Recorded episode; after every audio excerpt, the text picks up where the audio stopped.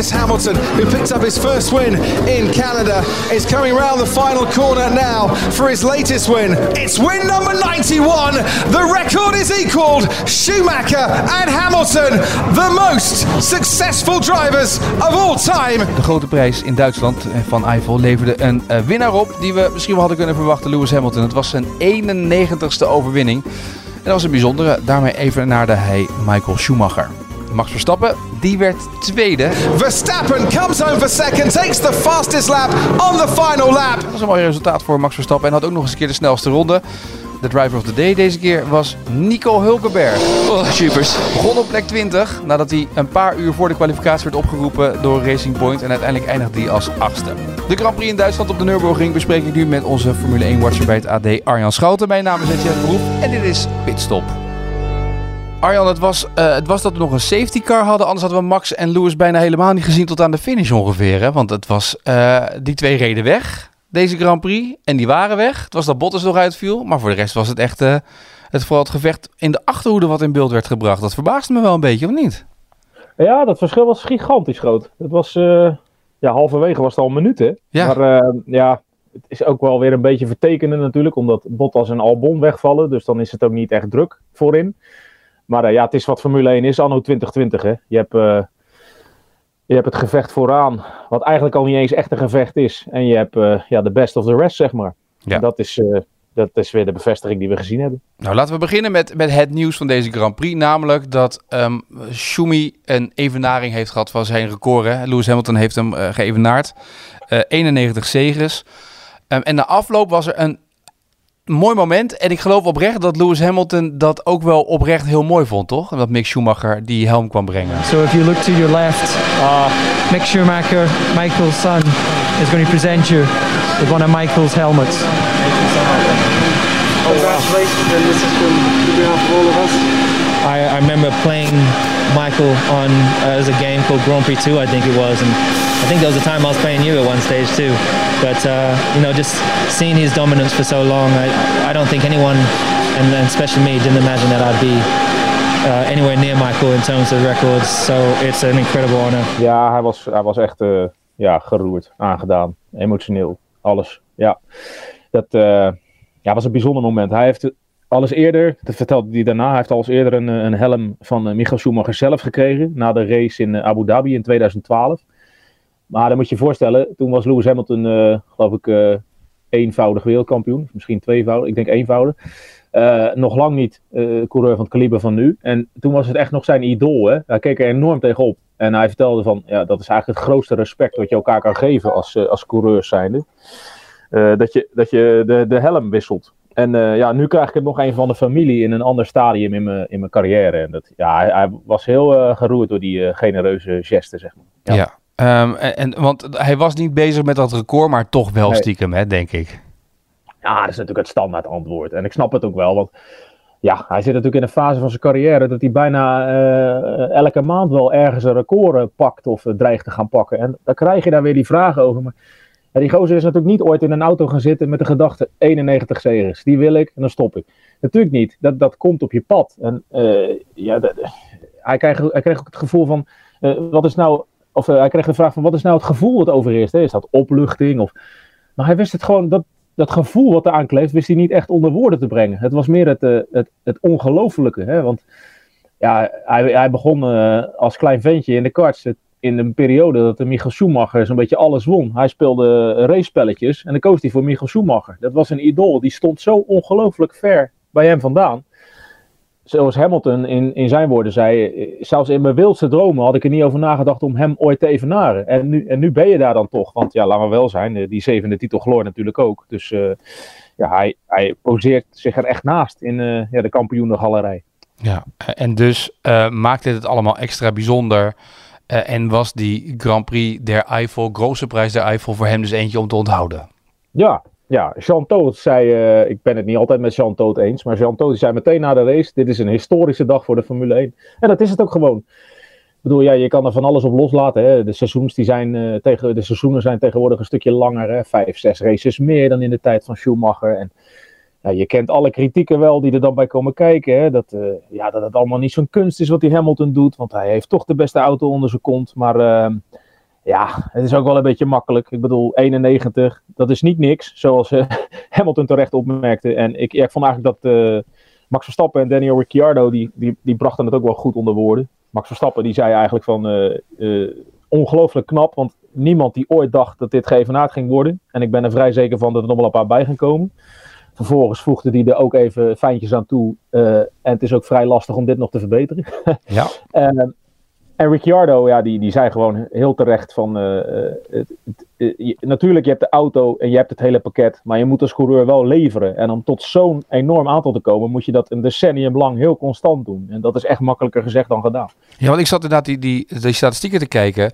Je, je vergeet bijna dat Senna bijvoorbeeld maar 41 overwinningen heeft geboekt. Natuurlijk, hij is overleden, begrijp ik allemaal. Maar voor in, in het beeld is Senna zo groot... Terwijl ja. ja. Hamilton gewoon meer dan twee keer zoveel overwinningen heeft geboekt. Ja, ja die vergelijking is in die zin nog manker, omdat dat echt een ander tijdstip was. Want daar heb je het niet alleen. Kijk, dat was ook in de jaren tachtig natuurlijk heel ja. veel. Uh, daar heb je het niet alleen over uh, echt kortere seizoenen, maar de, de, de, betrouwbaarheid van de auto's en de motoren was echt niet te vergelijken. Je, je, moet maar eens even kijken. Ik ga het heel snel opzoeken voor je. Maar de, de, de uitvalbeurten. Kijk, wij, wij zetten Senna allemaal neer als een soort halfgod. Maar uh, ja, hij heeft zo vaak heeft hij een, een race uh, uh, gewoon niet uit kunnen rijden. En dat zit helemaal niet in, het, ja, in, in, in de legendevorming van, van Senna. Maar als ik jou nou vertel dat hij 160 Grand Prix heeft gereden, waarvan hij dus 60 keer niet de finish heeft gehaald, dan denk jij denk ik waarschijnlijk ook van zo. Ja. Ja, maar het is wel de realiteit. Dus in die zin is ook die vergelijking een beetje mank. Maar dan goed, is die, ja, ik denk nu eigenlijk, dan zijn die 41 overwinningen nog veel knapper eigenlijk. Ja, ja, ja. ja. Want als je dus ja. dan bedenkt dat je bij de helft niet de race, de finish hebt gehaald, dan heb je van die andere helft heb je twee derde gewonnen. ja. Senna Oké. is vaker uitgevallen dan dat hij won. Ja. Dat, eh, ja. Maar goed, het, eh, het was wel natuurlijk, eh, wat dat betreft, er vielen wel veel autootjes uit eh, bij deze Grand Prix weer eens een keer. En er gebeurden een hoop dingen. Ik bedoel, eh, van tevoren had jij bedacht nog, ja, eh, misschien Max, maar eh, Hamilton wint, maar Bottas ook uitgevallen. Dus ja, dat, gebeurt ook niet vaak. Nee. Historische dag, zoals Jan Toot al terecht opmerkte. ja, precies. Ja, nee, het, het was natuurlijk een Grand Prix vol met ja, potentiële valkuilen. Hè? Want ja, uiteindelijk ga je naar een circuit toe waar ze al zeven jaar niet geweest zijn. Je weet dat het er koud gaat zijn. Je weet dat het er misschien nat gaat zijn. Verraderlijke omstandigheden. Je hebt geen historische data die vrij recent zijn. Dus alle teams beginnen echt op, op nul. En dan valt ook die vrijdag nog eens weg vanwege het slechte weer en de medische helikopter die niet op mag stijgen. Dus dat, dat, maakt eigenlijk dat, iedereen er vrij blind in gaat. Want je mag een uurtje proef draaien en dan moet je ook kwalificeren en meteen daarna racen. En eh, ja, dat, ik denk dat je dat wel een beetje in de beginfase terugzag. Eh, het was een beetje rommelig, een beetje chaotisch, tegelijkertijd zeer vermakelijk. Maar ja, vrij veel auto's die vroeg uitvallen. Ik denk dat dat daar allemaal mee te maken heeft. En, en na afloop van die kwalificatie zeiden Hamilton, Bottas en Verstappen, nou, dit kunnen we wel vaker doen. Waarom zouden we nog zoveel rondjes rijden op, op vrijdag? Als zij dat Ja. zeggen, dan is hier Ja. de opening voor de VIA om dat te doen, want het wordt er wel leuker van. Nou, dat zei Bottas ook eh, voor de camera's van Ziggo na zijn uitvalbeurt. Hij bleef, eh, want eh, Jack Ploy vroeg hem dat terecht, maar hij, hij bleef bij zijn mening, ondanks dat hij ja, vroeg sneuvelde. Ehm, ja, weet je, die coureurs die, die zien ook dat, dat, dat eeuwige trainen en dat ellenlange rondjes rijden op, op vrijdag en dan zaterdagochtend ook nog even. Dat, ja, dat is natuurlijk niet heel spannend. Laten we wel zijn. Eh, de, de camera's staan er eh, eh, volop. Want in die modus operandi zit Formule 1 nou eenmaal. Alle actie op de baan moet gefilmd worden. En dan moet je daar quotes van hebben na afloop. En dan moeten ze een zegje doen. Maar uiteindelijk hebben ze natuurlijk niet zo gek veel te vertellen na zo'n dag. En kijk, bij Ajax ga je ook niet elke dag filmen als ze een, een paar corners aan het oefenen zijn. Dus in die zin snap ik de, de hang wel naar eh, eh, ja, minder actie, compactere weekenden.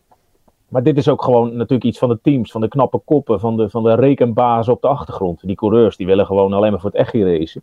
En in Imola gaan we dat eh, nogmaals experimenteren. Dat was het plan al. En het zou best wel kunnen, want dat is de wens van, van Ross Brawn, als ik het goed begrijp, dat dat in de toekomst gewoon ingevoerd gaat worden. Ja, het kan heel goed, dat hebben, hebben ze nu bewezen.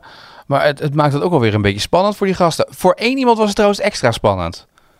Nico? Nico Hulkenberg. Die, Ja. maar wat is daar nou aan de hand geweest? Ja. Maar het Ja, is een beetje Eh, vaag. Want ik zou zeggen, als je nou een coronageval weer hebt met Lance Stroll... dan kan je het gewoon bekendmaken, toch? Ja, ik denk, uh, ja, ja, we, gaan natuurlijk nooit hard maken uh, hier in deze podcast uh, wat er aan de hand was. Ik maar, zou graag willen dat het wel zo was eigenlijk, maar dat... Ja. nee, maar goed, kijk, als hij zich een beetje ziek en zwak voelde, dan, dan denk ik niet dat ze dat heel handig... De, ja, misschien hebben ze het een beetje te lang voort laten slepen. Want hij schijnt zich in Rusland al niet lekker te hebben gevoeld.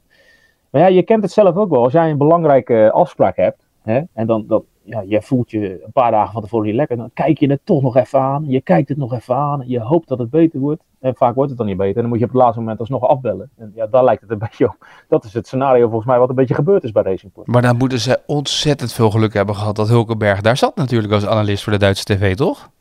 Ja, hij, hij moest er naartoe. Hè? Ja. Dus uh, ja, uh, hij had al een mediapas. Daar stond trouwens op uh, geen access to the grid. Dat was wel leuk. Dat moest nog even veranderd worden. is toch niet onbelangrijk als je moet gaan rijden. En hij moest nog even een, een coronatest doen. Binnen een uur was de uitslag er. Hè? Dus dat dat allemaal 48 of 72 uur hoeft te duren. Allemaal complete nonsens. Dat hebben we maar weer eens bewezen in Duitsland. Ja, uh, dit is natuurlijk een mooi verhaal. En dat past ook wel bij de Formule 1. Die wordt dan even ingevlogen. En dan rijdt hij ook nog in de punten achtste plaats. Ja, dat is leuk. En de finish overgaan met de legendarische woorden... Oh, jippers. So, good job, mate. Good job. Oh, jippers. That was that was fun, but very very tough at the same time. Uh, thank you guys.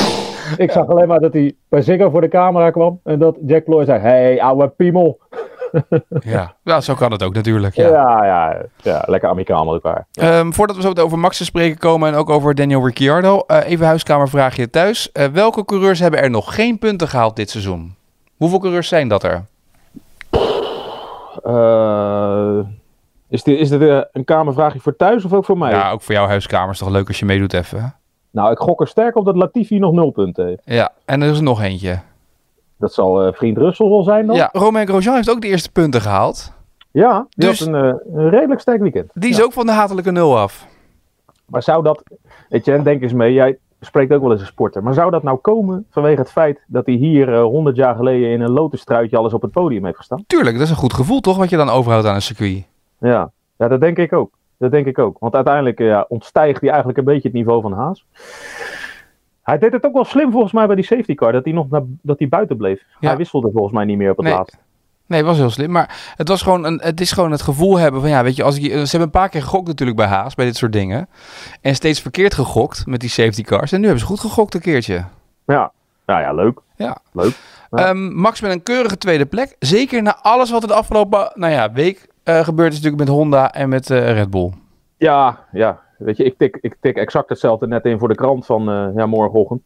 Het is natuurlijk een tumultueuze week en een, ja, ook wel een vrij chaotisch raceweekend. Maar uiteindelijk, uh, ja, aan het einde staat hij gewoon weer met het maximale resultaat. Hè? En dan ook nog even in de laatste bocht, of in de, in de laatste ronde, die, uh, ja, dat extra WK-punt ophalen met de snelste ronde.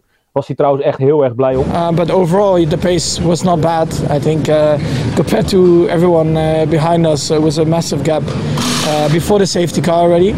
Um, and yeah, I think uh, we maximized. Happy with that uh, extra point with fast lap. That uh, was an extra bonus. Hij zag natuurlijk vrij snel. Er waren twee cruciale momenten: uh, de start en de herstart. En hij zag vrij snel twee keer uh, Hamilton wegsprinten. En hij moest juist verdedigen de jongens achter hem, Ricciardo en Perez, meen ik. Sainz misschien nog. Uh, maar winnen zat er niet in. Dus ja, dan is het tweede plaats het maximale, omdat Bottas wegvalt. En vervolgens dan ook nog uh, ja, dat ene puntje extra pakken. Ik hoop hier natuurlijk niks voor, want dat gaat echt niet het verschil maken het einde van de rit voor Verstappen. Maar het is wel met een lekker gevoel naar huis gaan natuurlijk. En wat ik bijzonder vond, was dat in de laatste ronde, als je die, die, dat verschil keek met Hamilton, hij was in de voorlaatste ronde was hij het gat aan het op laten lopen. Dat het ineens, zag je dat van twee seconden werden drie, vier, vijf seconden. Ik denk, wat is hij nou aan het doen? Is die ware stuk? En toen pas ja. was het, oh ja, hij heeft ruimte nodig om die snelle ronde nog even neer te zetten. Ja. Het was allemaal gepland spaarde alles op voor dat. Uh, ja, maar uh, heel veel is er wel over nagedacht in deze sport. Dus daar verbaas ik me niet meer zo op. Nee. nee, nee. Maar wel mooi dat het zo uitpakt. En, en dat hij daarmee in ieder geval weer wat dichterbij komt bij Bottas. Dus plek 2, wat misschien ja. het hoogst haalbare is in de WK-stand, is weer wat uh, binnen bereik gekomen. Nou, het zou toch ook mooi zijn als hij die nog pakt. Ik bedoel, ja, we kunnen wel allemaal gaan spreken over een verloren seizoen en zo. En omdat hij dan geen kampioen gaat worden. Maar ja, weet je, uh, vorig jaar de eerste, is de eerste uh, top 3 in het wereldkampioenschap met die derde plaats. Als hij dan nu tweede, het zit er toch nog, nog steeds progressie en opbouw in. Dan is het allemaal, ja, dat is toch gewoon goed. Ja. Kan je niks van zeggen. Nee, dat is waar. Zou Ricciardo blijer zijn geweest met een derde plaats in een podium... of het feit dat uh, zijn teambaas nu een tatoeage moet nemen? Ja, wat een verhaal. ja, we moeten het even uitleggen voor de luisteraars, denk ik. Ja. Uh, maar uh, als ik het goed begrijp, liep er een weddenschap... dat als Ricciardo in 2020 een keer een podium zou halen... dan zou Abiteboul een tatoeage nemen... en Ricciardo mag dan kiezen wat voor tatoeage en waar. En Abiteboul kiest de grote. Heb ik het zo goed? Ja, dat is, dat is ongeveer de deal, ja. Ja, ja. Ja. Ja, daar hadden ze natuurlijk allebei niet echt rekening mee gehouden. Want zo voortvarend begonnen ze niet. Uh, maar goed, de, de, afgelopen weken, we hebben dat ook al eerder uh, aanges, aangemerkt in de, in, de, in, de, in de video's. De afgelopen weken zag je wel echt progressie bij Renault. Ze kwamen er steeds dichterbij. Dat zei Ricciardo zelf ook. Het zat eraan te komen. En ja, jij vraagt nu, was hij blij met die derde plaats en met die tattoo? Uh, de hele wereld die begon natuurlijk over die tatoeage. Maar ik heb echt het idee dat Ricciardo blijer was met het podium. Hij was echt, echt bijzonder in zijn nopjes. Ja, dat was nog wat anders. Dat was wel bijzonder. Na afloop kwam hij namelijk voor de camera's van de Formule 1. En toen begonnen ze over één ding, en traditie die hij altijd doet, ja, die hij heeft nagelaten. De shoe. Oh, mate. This is really bad. I forgot all about it. No way. I literally forgot about it. I'll tell, I'll tell you why. Because as soon as they've done the champagne, Max was already spraying me. And for the first time ever, they chilled the bottles. So normally the champagne's like lukewarm and it was freezing. Or maybe it's just because it's so cold outside. Um, so I was just, I think, just shocked with cold and I didn't even. Wow, I'm actually sad now. ik heb net een filmpje zitten kijken. Hij heeft het in zijn kleedkamer gedaan. Ja, maar hij was het op het podium vergeten. Hij stond ja. dus echt in het filmpje. Nee, ook echt. Nou ja, ik ben het helemaal vergeten. In alle. Dat Lewis Hamilton met champagne ging spuiten en Max Verstappen natuurlijk. Dus hij was het helemaal vergeten om het te doen. Ja, maar dat is ook wat. Hè? Want het is zo lang geleden al. Ik, ik was erbij bij zijn laatste podium. Dat was in 2018 in Monaco. Hè? Uh, dat was een, een vrij uh, vervelend weekend voor Max. Want uh, zijn uh, collega bij Red Bull ging, uh, ja, ging er met alles vandoor. Ik geloof dat hij ook pol had en uh, de zegen. En ja, dat was eigenlijk een beetje de afspraak die Max moest winnen. En Ricciardo won daar. Maar hij heeft natuurlijk nooit gedacht toen in Monaco 2018, want toen was nog niet, helemaal niet bekend dat hij weg zou gaan bij Red Bull, dat, dat, dat hij daarna 2,5 jaar op een podium moest wachten. En hij had het echt gemist. Dat, dat merkte hij aan alles. Hij was zo, hij is natuurlijk altijd wel goed lachs, maar hij was zo happy. En het voelde een beetje als zijn eerste, zijn eerste podium in de Formule 1, zei hij. En ja, vandaar dat hij die Shoei natuurlijk vergeten is. Maar goed, uh, hij is commercieel uh, slim genoeg om dat dan daarna nog wel even te doen voor de likes. Dus uh, ja, verhaaltje kogeltje rond, denk ik. Ja, en dan toch, hè, bij Ricciardo zie je toch ook weer dat het soms in de Formule 1 zo ontzettend belangrijk is om de juiste keuze voor het juiste team te maken. Um, en dat ja. het dus, als je dat dus niet doet, of als je voor het geld gaat, wat ook logisch is, hè, maar dat dat, dat dus ook kan betekenen dat je dus jaren of maanden of anderhalf, twee jaar bijna niet meer op een podium staat. Ja, en uh, ja, kijk eens even waar hij volgend jaar heen gaat. Ja. Ik bedoel, uh, ja, Renault zit echt wel in een lijn opwaarts. Dat hebben we ook allemaal wel van McLaren gezegd. Je, je, je kan nu, op dit moment, kan je niet echt zeggen of volgend jaar hè, die stap naar McLaren nou direct een verbetering is. Dat denken we allemaal wel, want er komen Mercedes motoren in. En ja, dat, dat is al eens een gouden combinatie gebleken. Maar ja, Renault heeft ook de opwaartse lijn te pakken. Dus ja, zeg het maar. Weer een gok. Ja, ja wat dat betreft is het ook in die uh, constructeursstand, uh, los van het feit dat daar de Mercedes nummer 1 staat, ver boven Red Bull. En dat gat daaronder, nu staat Racing Point weer derde, onder andere dankzij Nico Hulkenberg. McLaren dan weer vierde, Renault vijfde, Ferrari pijnlijk zesde. Mm -hmm. um, maar dat, dat zegt natuurlijk ook wel wat. Hè? Die, die strijd daar is vooral gaande van we hopen derde te worden eigenlijk. Ja. Gooi jij hem erin, die term? Stuivertje wisselen? Nou, in het, maar dat is het wel. Want de ene week is ja. het McLaren, dan is het Renault, dan is het Racing Point weer. Ja, het scheelt niks daar, uh, de top 3 120 en de rest zit er kort op. Dus het kan echt alle kanten op nog. Ja, precies. Wat dat betreft is dat wel... Uh, ik, ik, wil toch nog eventjes met je doornemen. Uh, de tweede rijder bij Red Bull. Ze maken ja. me het zo moeilijk. They race me too hard. They race me so hard. Ja. ja. Na, na een duel met Gasly. Kom op zeg. Ja. Die zou ik, weet je wat ik zou doen nu? Want, en ik, je weet dat ik wat wat harder ben in dit soort dingen dan jij soms bent. Maar als ik baas zou zijn van het team, zou ik na die opmerking zeggen: zet je wagen aan de kant, lever je sleutels in, lever je sleutel van de paddock in en ga lekker thuis zitten janken, want dit slaat helemaal nergens op dat je dit roept. Ja, ja. Dit hoort ja, niet ik, bij uh, Red Bull. Ja, ik vind het vervelend om te zeggen, maar ik, ik denk dat ik het bijna met je eens ben. Dit, dit, dit, deze opmerking, die paar woorden door die bordradio. We kennen natuurlijk niet de hele context, maar goed, ja, dat moet je gewoon niet roepen. Je, je maakt jezelf wel heel erg kwetsbaar. Uh, maar ja, die opmerking zou best wel eens uh, uh, zijn contract voor volgend jaar kunnen kosten. Ja, dit is, dit is zeg maar, als je dit op je werk hoort. Als jij dan zou zeggen, joh, ze maken het zo moeilijk om met iemand te praten. Het is je werk toch, om met, met mensen te praten, dingen te ja. doen en te schrijven. Ja. Maar er komt nog eens bij, dit, dit past helemaal niet in de filosofie van Red Bull. Hè. Nee. Red Bull, een stoer merk, hè. geen uitdaging te groot. Hè. En Verstappen, die, die, die, die illustreert dat, dat, dat hele beeld wat ze willen uitstralen met dat bedrijf natuurlijk tot in de puntjes. Ricciardo deed dat ook, hè? zo'n zo excentrieke, uh, lekkere gekke Australiër. Maar ja, Albon, uh, ja, die, die, die, die staat voor het tegenovergestelde. Dan ga je midden in een race lopen roepen dat de concurrentie het zo moeilijk maakt. Ja, dan moet je gaan dammen, vriend. Ja, precies. Misschien kan hij dat heel goed en, en is dat ook ingewikkeld soms, maar ja, dit is echt een compleet brevet van onvermogen. Ja, maar laten we trouwens niet vergeten dat hij daardoor niet sneuvelde. Nee, dat nee, was nee. weer gewoon een probleem met de Honda. Ja, had een probleem met de Honda, dat klopt. Dat geven we, dan, dat geven we nog mee. Maar dan nog, weet je, het feit dat je dat roept en dat je niet voorbij een Alfa Tauri komt en dat je dan zegt, they race me uh, too hard of zo hard, kom op zeg. Ja, nee, dat moet je niet doen. Ik bedoel, nee. uh, ik weet niet of ze evaluatiegesprekken houden. Zo, zoals wij op ons werk hebben, maar die krijgt hij nog wel even op zijn bordje natuurlijk. Dat, dat denk ik ook, ja. ja. Um, het zou ook het weekend zijn dat we Mick Schumacher in actie zouden zien komen. Zo. Godsamme zeg, ik had heel die zaterdagkrant al volgepland met Mick. Maar ja, ja het, uiteindelijk uh, heb ik daar met een kunstgreep nog wel een verhaal van kunnen maken. Maar ja, dat viel wel even heel sneu in het water. Hè? Ja, nou ja, in de mist. In de mist, ja. ja. De, de, medische helikopter die niet op kan stijgen. Ja, ja, ja. Maar goed, geloof mij nou, uh, die proppen ze nog wel een keer tussen ergens hoor. Want uh, Giovinazzi die, uh, ja, die, die maakt natuurlijk geen kans tegen een Schumacher. Als het, als het tussen hun zou gaan om dat tweede stoeltje naast Kimmy, die blijkbaar door wil. Ja, dan lijkt het me niet een hele lastige opgave voor de teamleiding van Alfa Romeo. Nee, dat klopt. Maar het is, het is zonde, want het is natuurlijk mooi in een Duitse Grand Prix. Uh, nu, die, nu weer een Grand Prix in Duitsland was dit jaar, om het daar helemaal symbolisch te hebben. Dat is jammer dat dat verhaal dan even niet zo rond is. Ja, maar ja, goed. Over twintig jaar is het een voetnoot. En uh, weet je, dan gooien ze hem in Imola toch in die auto. Dan doen ze het in het land van Ferrari. Weet je, er is altijd wel een verhaal aan te breien. Dat is ook wel weer Tuurlijk. het mooie van de Formule 1. Een verhaal is altijd eraan te breien, dat klopt. Daar heb je nou. gelijk in.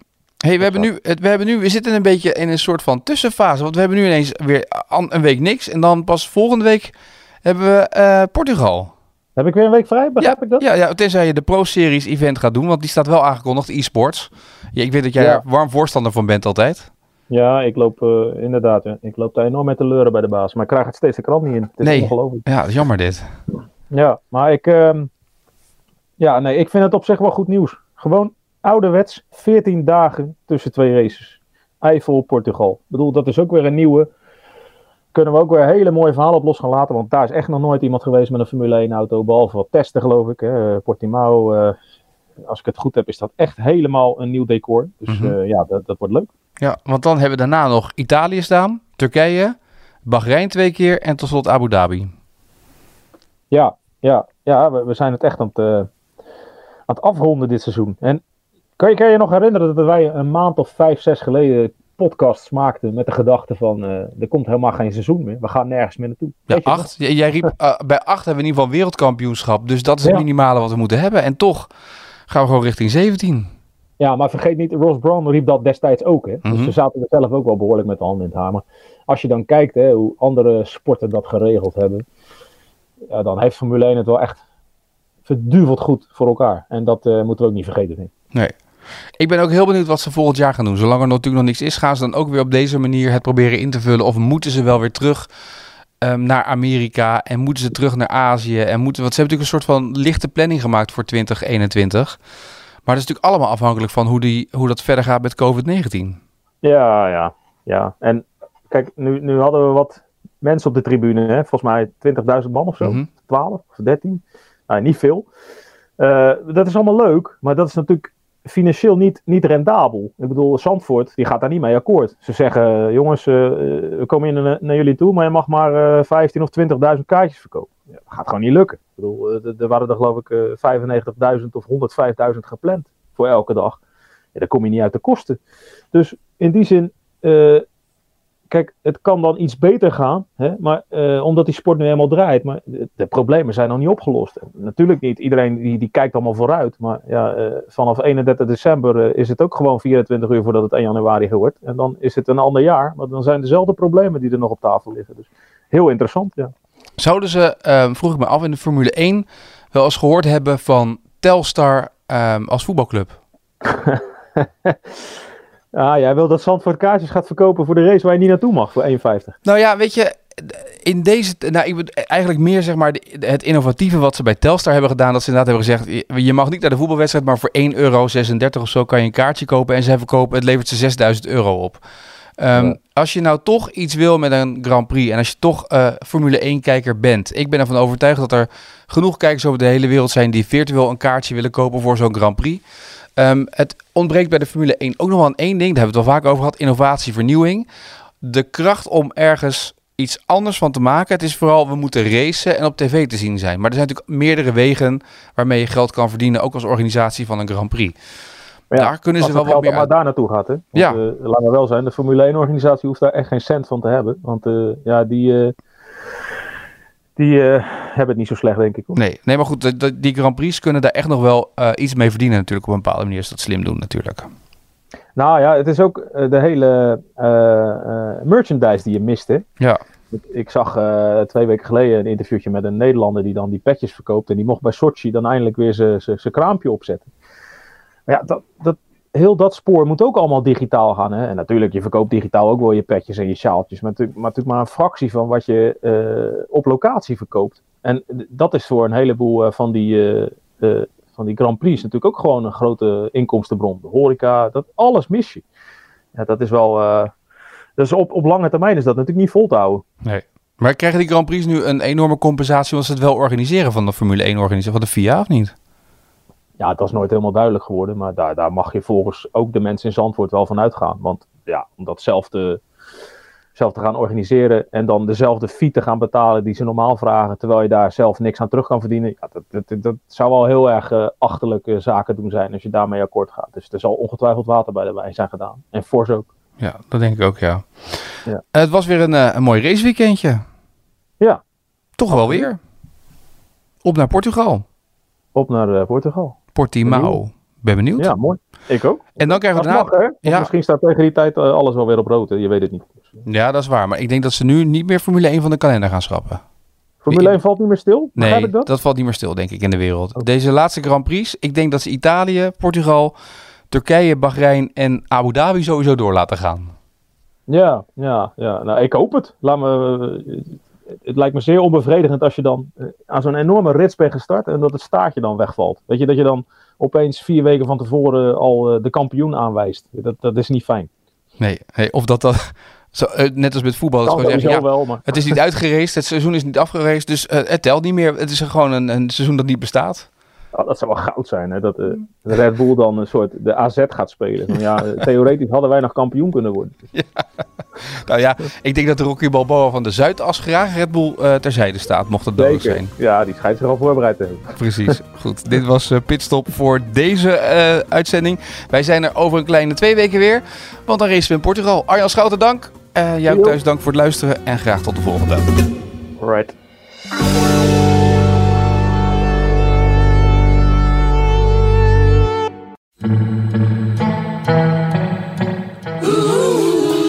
Dit is de Val Allemaal Maar Kapotcast. Val Allemaal Maar Kapotcast. Door zelfbenoemd Parel van Brabant, Björn van der Doelen en grote onbekende Boris Heijnen.